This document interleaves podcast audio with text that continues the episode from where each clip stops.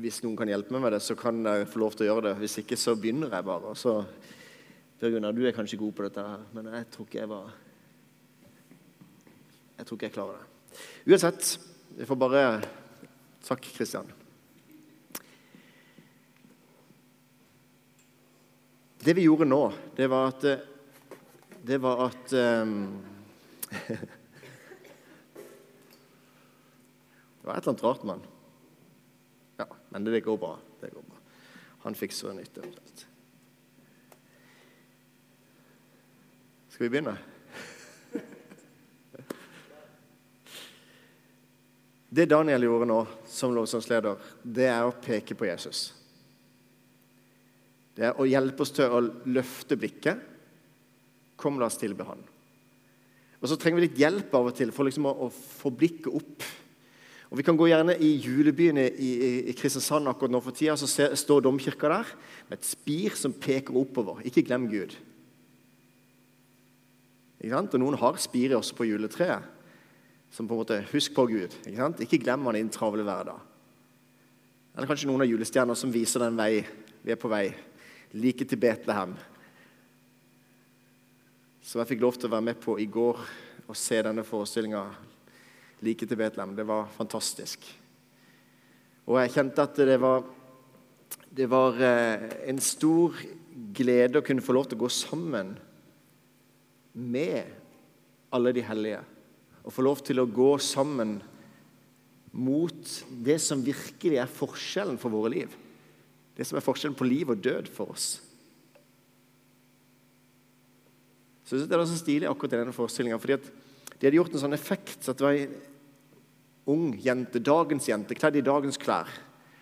Og så på en måte kom det ned et sånt, et, sånt skjerm som gjorde at det så ut som at det frøys på baksida. Så ble det frøset på en måte dette bildet fra stallen i Betlehem, og alle som var samla rundt.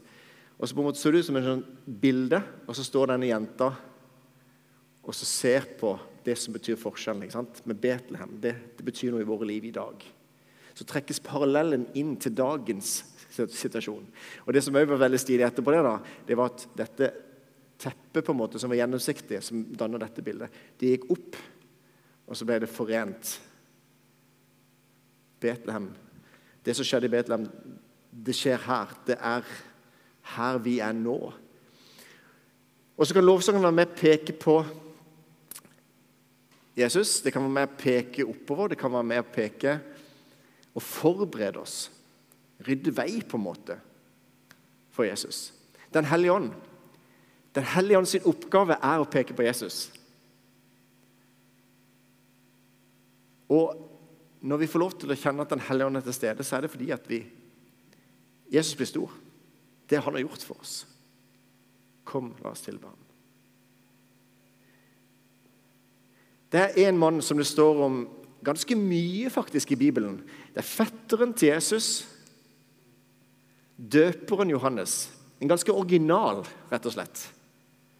Og det er så kult, for det ja, en skikkelig original som på en måte eh, ja, kledd i kamelhår og spiste gresshopper og, og, og, litt sånn forskjellige ting som gjør at det viser at han var original. Men han brukte også noen ord som er ganske, ganske sånn brutale og kraftige, egentlig. Eh, Matteus han bruker ganske mye spalteplass på Johannes døperen. Og eh, Denne søndagens tekst den er henta fra Matteus 11. Men allerede fra Matteus 3 så står følgende Skal jeg lese litt fort noe av det, så roer jeg ned noen ganger.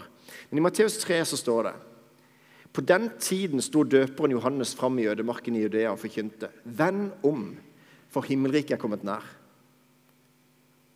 Og så står det en ekstra informasjon for oss lesere.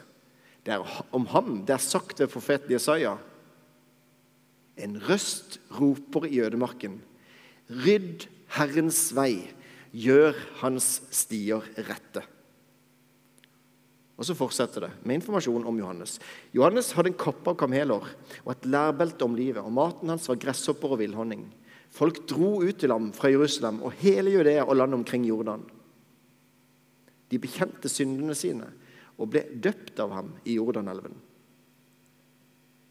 Men da han så at mange av farserene og sadukerene kom for å bli døpt, sa han til dem, ormeyngel, hvem har lært dere hvordan dere skal slippe unna denne vreden som skal komme? Bær da frukt som svarer til omvendelsen, og tro ikke at, dere, at dere kan si til dere selv, vi har Abraham til far. For jeg sier dere, Gud kan reise opp barn fra Abraham av disse steinene. Øksen ligger allerede ved foten av trærne. Hvert tre som ikke bærer god frukt, blir hugget ned og kastet på ilden. Jeg døper dere med vann til omvendelse. Men han som kommer etter meg, er sterkere enn jeg, og jeg er ikke verdig til å ta av ham sandalene. Han skal døpe dere med Den hellige ånd og ild. Han har kasteskovlen i hånden og skal renske kornene på treskeplassen. Hveten sin skal han samle i låven, men agnene skal han brenne opp med en ild som aldri slukner. Da kom Jesus fra Galilea til Johannes ved Jordan for å bli døpt av ham. Men Johannes ville hindre ham og sa, 'Jeg trenger å bli døpt av deg, og så kommer du til meg.' Jesus svarte, 'La det nå skje. Dette må vi gjøre for å oppfylle all rettferdighet.'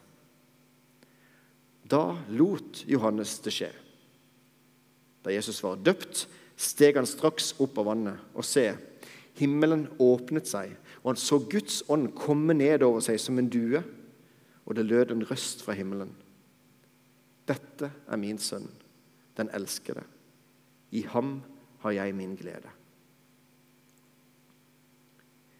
Så den dåpen som, Johannes døpte meg, var en omvendelsesdåp. Nå ønsker vi å gå tilbake igjen sånn som det egentlig var. Vi vender oss om fra det livet vi lever, og så vendte de seg om og ble døpt.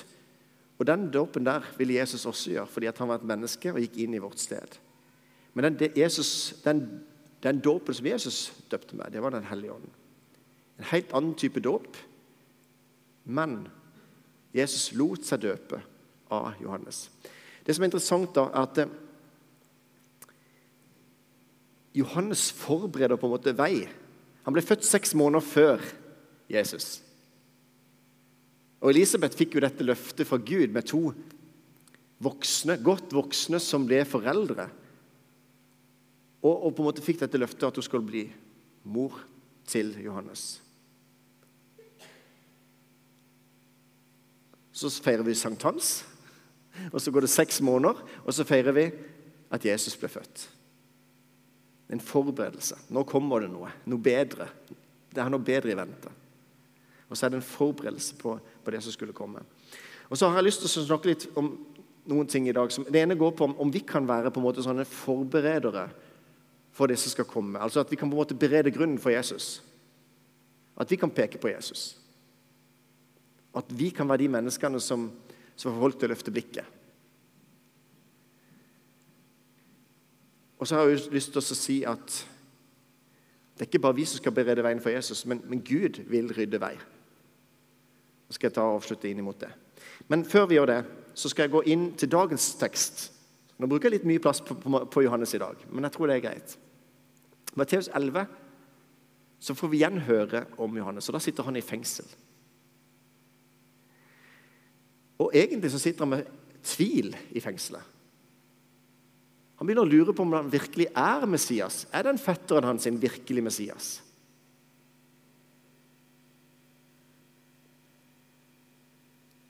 I fengselet fikk Johannes høre om alt Kristus gjorde. Han sendte bud med disiplene sine og spurte er du den som skal komme, eller skal vi vente en annen. Jesus svarte dem, gå og fortell Johannes hva dere hører og ser. Blinde ser, og lamme går.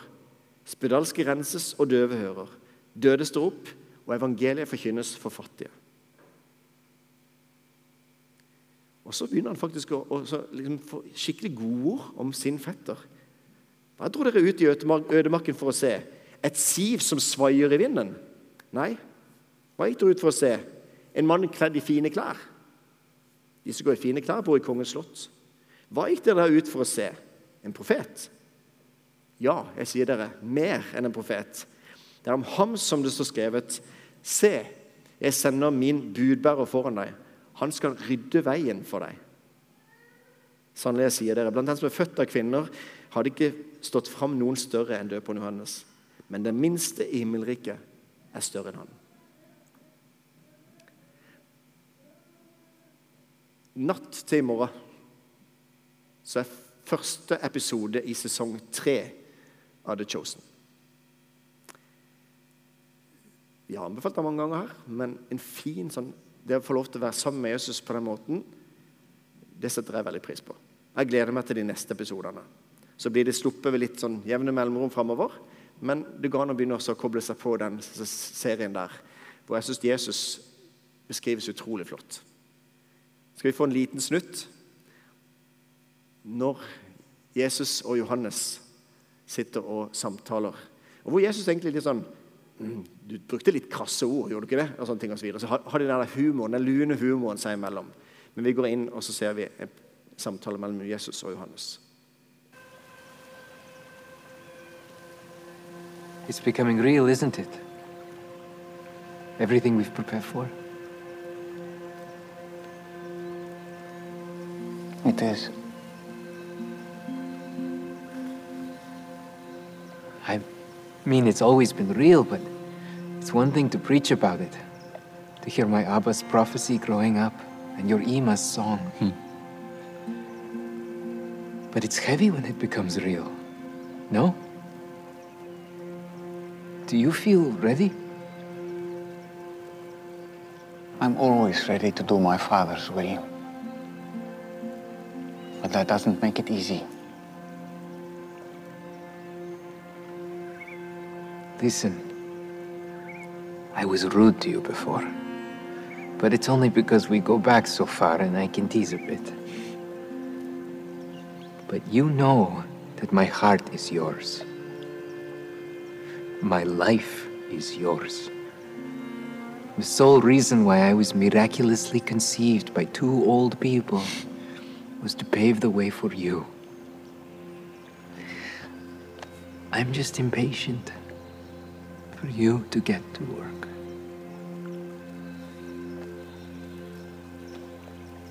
I understand. And I'm grateful for your part. You have done God's work, albeit in a uh, unique way. Guilty as charged. yeah. It's perhaps a poor choice of words. Perhaps.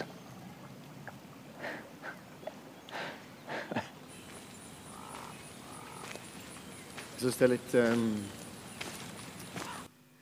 Jeg synes det er litt fint, den der eh, samtalen jeg har der. Hvor det på en måte er en overgivelse til Jesus. Mens kanskje Johannes egentlig er litt sånn Det går litt seint med deg, Jesus. Kan du ikke komme? Det er, nå, du, det er nå vi trenger at du kommer. Og Jeg vet ikke hvordan det er med dere, men jeg kjenner meg igjen i den utålmodigheten hos Jesus. Jeg tenker at Nå burde du ha kommet. Nå, nå har vi bedt deg om å komme ganske lenge. Nå må du komme. Og så kjenner vi på den der at vi har en bedre løsning enn han. Og så, så, så kan du ikke bare komme i gang, liksom? Eh, jeg syns det er litt fascinerende, og jeg kjenner meg litt igjen i Johannes. Og Johannes blir møtt med en nåde av Jesus, selv om han på en måte kan bli litt for ivrig av og til og bruke noen ord som ikke var helt riktige. Eller, ikke sant? Men eh, han, han skjønner engasjementet. Han skjønner at han vil bare at det skal skje. Og Det, det synes jeg er så fint at, vi, at han spiller på lag. Selveste Gud spiller på lag med oss mennesker. At vi skal få lov til å gå sammen med han. Og så vil han at vi skal dele på hver vår unike måte. Og så skal vi peke på Jesus. Johannes hadde sin måte, du har din måte, jeg har min. Men vi trenger å peke på Jesus. Vi trenger å rydde vei for han. Og det vi skal gjøre og det, det er jo, Disiplene til Johannes fikk beskjed om å gå tilbake til Johannes. De fikk beskjed om å fortelle hva de ser, hva de har sett og hørt. Vitnesbyrdet, på en måte. Bare si hva dere ser. Og når, han, når, de forteller det, så kjenner Johannes Bibelen, sin bibel så godt at det, da vet han at det er oppfyllelsen av profetien. At lammet hører og blinde ser. Så Jesus er raus. Også Johannes-evangeliet tar fram Johannes døperen. Det er ikke døperen Johannes som har skrevet Johannes evangeliet, men døperen, nei, Johannes peker på døperen Johannes. Og Da står det i Johannes i prologen så står det, et menneske sto fram, utsendt av Gud. Navnet hans var Johannes. Han kom for å vitne. Han skulle vitne om lyset, så alle skulle komme til tro ved ham. Selv var han ikke lyset, men han skulle vitne om lyset. Det står midt inne i Johannes-prologen med I begynnelsen var Ordet, Ordet var hos Gud, Ordet var Gud. Og så fortsetter det, og så står denne lille, dette avsnittet om Johannes. Og I Johannes 3,30 så står det da er det, Jesus, da er det Johannes døperen sitt vitnesbyrd. Så sier han han skal vokse, altså Jesus. Han skal vokse, jeg skal avta. Og på mange måter så tror jeg det faktisk kan være noe av meninga med livet. Å innse nettopp det. At det ikke handler om meg, men om han. Han skal vokse, jeg skal avta. Så lenge vi skal ta plass, og på, så lenge det handler om meg og mitt og jeg, jegesen, så handler det om at hvis vi ser det Hvis den som mister, mister sitt liv, skal finne det Det handler ikke om å legge seg ned og bli tråkka på, det handler om å si at det handler ikke om oss, det handler om han. Vi skal få lov til å peke på Jesus. Johannes han bana vei for Jesus. Johannes bana vei for Jesus, som hadde bana vei inn til Gud. Eller kall det gjerne rydd, rydda vei. Så Johannes han rydda vei for Jesus. Men Jesus han har åpna en vei, rydda en vei inn til Gud.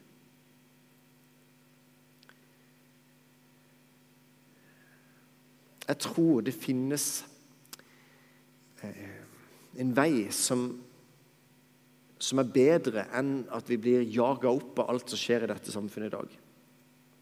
Jeg vet ikke om du er stressa akkurat for tida. Jeg vet ikke om du føler at det er altfor mye på din kontorpult.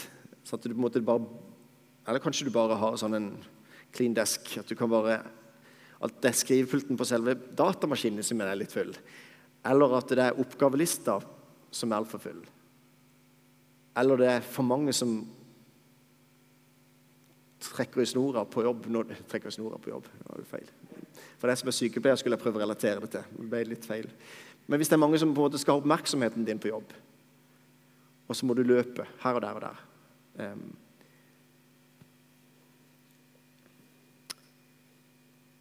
Jeg tror det handler litt om å rydde plass. Rydde plass for Herren i livene våre. Rydd vei for Herren. Nå har jeg lyst til å være litt sånn Er det noen her inne nå er jeg litt direkte, men er det noen her inne som ikke har plass til bilen sin i garasjen?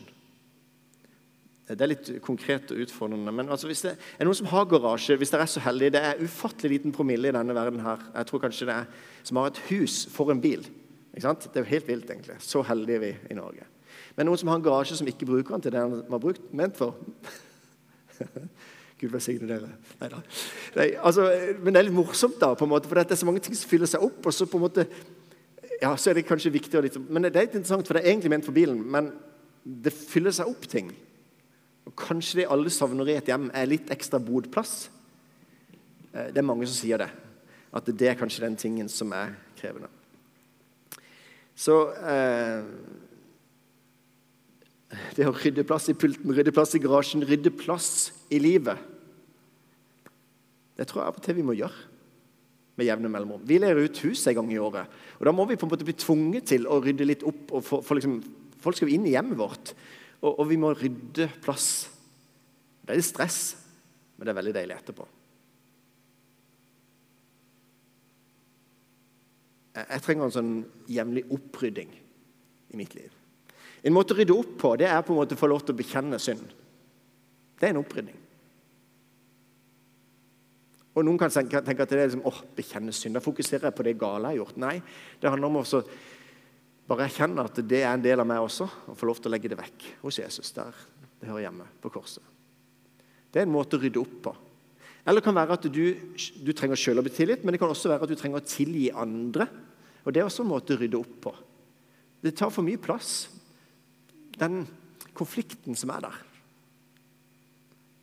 Relasjonen til det, den som ikke du har pratet med på ganske lenge nå fordi at det var han som begynte. Og det er alltid den andre som begynte. Det er aldri den første. Tenk på det. Det gjelder ikke bare ungene. Det var han som begynte. Vi sier det som voksne òg. Så går vi glipp av så mye tilgivelse og forsoning. For idet vi våger å rydde opp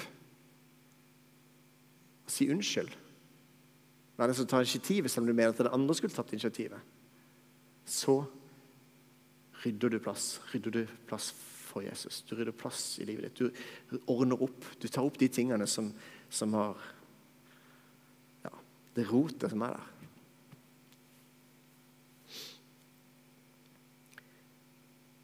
Så rydd plass for Herren. Og så kan du være med og rydde plass i andres menneskers liv. Være en veirydder, stirydder. Eh, altså, hvis ikke det har vært på Justvik og gått tur Jegersberg er fantastisk. Men de må utvide Jegersberg bitte grann. Utvide deres landområder bitte grann. For det, det, det, går helt til Justvik, altså. Der er det også veldig fint. Rett bak der jeg bor i Dalsveien, så oppe i skogen der, så har de lagd masse fine skilt. Sånne rundløyper her og gå dit 0,2 km til der. og Det er så gøy. Jeg er så takknemlig for de som lager sånne skilt. Og Så rydder de litt sti og så legger de noen planker over der det er vått, og så hjelper de deg til å komme fram på stien. En stirydder. Og Det er jo litt fint å kunne tenke at du kan være en stirydder for andre når det handler om å rydde vei. altså å Hjelpe folk til å få, så at de slipper å bli så utrolig sølete over den myra. Men noen som har lagt til rette for at det skal kunne gå tørrskodd over. Jeg har lyst til å være en stirydder for andre. Jeg har lyst til å peke på Jesus. Dere vet at jeg er opptatt av trosforsvar. Men det er bare én måte å rydde på. Det kan være å rydde opp i de, den tvilen du har, de intellektuelle hindrene som gjør at ikke mennesker ser Jesus. Så trenger du på en måte rive ned et hinder, hjelpe noen over et hinder, under et hinder, gjennom et hinder. For, for vekk det er bare feil. Så er det ikke et hinder i det hele tatt. Så da kan jeg være med og hjelpe folk. Og du kan være med og hjelpe på din arbeidsplass noen over et hinder, intellektuelt sett. Men det er ikke bare intellektuelt sett vi har hindre, det er også emosjonelt. Vi står stanger. Vi tror vi sier nei til Jesus, men egentlig så sier vi bare nei til den innpakninga vi har lagd av Jesus, vi som kristne. Så vi trenger å hjelpe folk. Kanskje noen trenger en god klem. At noen ser dem. Og det kan vi gjøre. Hjelpe folk over et hinder, under et hinder, et emosjonelt hinder som stenger for Gud. Vær en stirydder, da. Rydd vei for Herren bearbeider den jorda som er så hardtrampa at når Guds ord blir sådd, så bare ligger det på toppen der. Det, det bare blir stjålet av fuglene som spiser det. Og, og, så Guds ord får ikke sådd, slått rot. Det det handler om da, emosjonelle eller intellektuelle hindre, det er jo å pløye den jorda sånn at det blir god jord. sånn at Når Guds ord blir sådd, så bærer det frukt. Så jeg har lyst til å være en som er med og pløyer jorda. Gjør han klar for at når Guds ord blir sådd, så, så skaper det tro.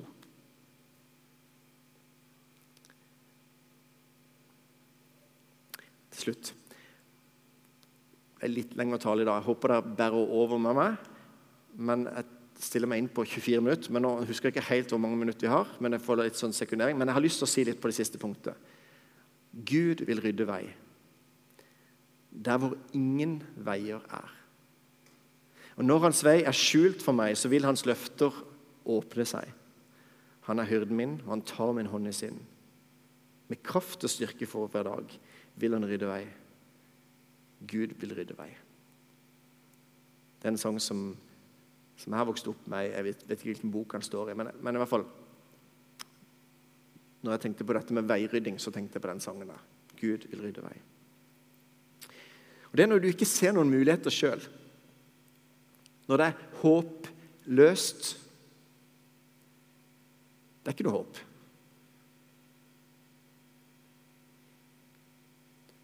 Så kan Gud rydde en vei, men da må du be han gripe inn. Josva han sto foran Jordan og skulle gå inn i det lovede land. Men det var vanlig på den tida at Jordanelva gikk over sine bredder. Det var ofte flom på den tid, som det står her. Og Så, så si, forbereder faktisk Gud Israelsfolket på at nå, vil, nå, kommer til, nå, kommer det til, å se et under. altså. Det er bare for at jeg skal huske det når det kommer til å få mange utfordringer framover. Så, så vit at Gud har gått med dere. Gud vil rydde vei. Så helt konkret, forbered dere. Forbered dere, Hellige dere. I morgen så skal dere se et under. Og De får beskjed om å, å, å da ta med paktkista, tre ut i Jordanelva. Det er tolv, en representant fra hver stamme, som bærer paktkista ut i Jordanelva. Idet de trår vannet, så stopper det opp. Og så vil ikke Jordan Det blir sånn vold som stopper opp, sånn at ikke vannet kommer videre. Israels tolv stammer står der med paktkista, Og israelsfolket går tørrskodd inn i det lovede land. Idet de tar sistemann, ja, så skal de i tillegg ta med seg de steiner som et minne. som Alle tar med hver sin stein til et minne om dette. Og så idet de tar sistemann går opp av vannet Sistemann som trør tørrskodd på, på, på, på, på, vannet, på den andre sida, så kommer vannet. Så flommer det igjen. Et konkret under, som vi også vet med Moses. Havet delte seg. Du møter en vegg. Det er ingen mulighet. Gud vil rydde vei. Der hvor det ingen veier er. Og når Hans verk er skjult for meg, så vil Hans løfter åpne vei. Så det å på en måte få lov til å stole litt på Guds løfter der Når det ser håpløst ut, så vil Gud rydde vei.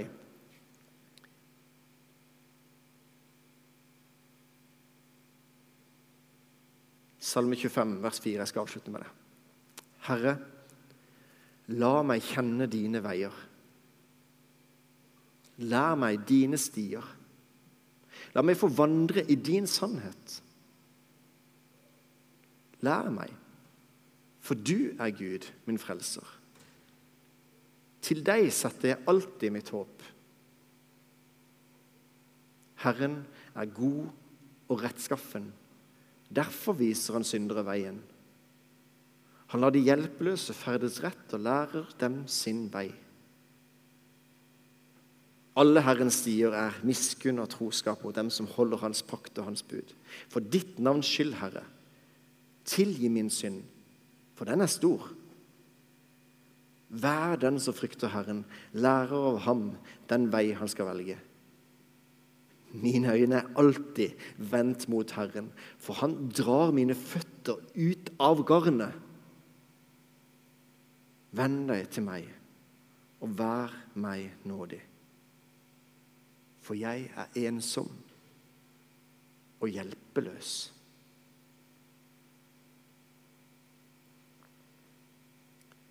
Det var utdrag fra Salme 25. Og kanskje også utgangspunktet for å lære meg å kjenne dine veier, dine tanker. La meg få lov til å forstå din vilje, Gud. For det Johannes sier, at han har lyst til å koble sammen med, med Guds vilje. Han, han, vil følge. Og det er også Jesus sier, at han vet at han vil følge sin fars vilje, men han vet at det blir tøft. Så Hvis du står i en tøff situasjon nå Gud vil rydde vei. Ikke for at han skal fikse quick fix på en eller annen måte, men stol på han.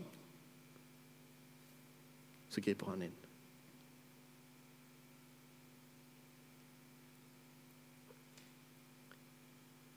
Johannes rydder vei for Jesus, som rydder vei for Gud. Vær med og vær en stirydder, du. Rydd opp i ditt eget liv, og inviter Gud inn til å rydde opp og bane vei der hvor du ikke du ser en vei sjøl. Jesus, jeg har lyst til å be for denne forsamlingen som er her i dag. Jeg har lyst til å takke og be om din rike velsignelse over dem. La de få lov til å kjenne at de går sammen med deg. La de få lov til å kjenne at de får håp når alt ser håpløst ut. Jesus, Hjelp oss til å gi det håpet videre. Til å peke på det.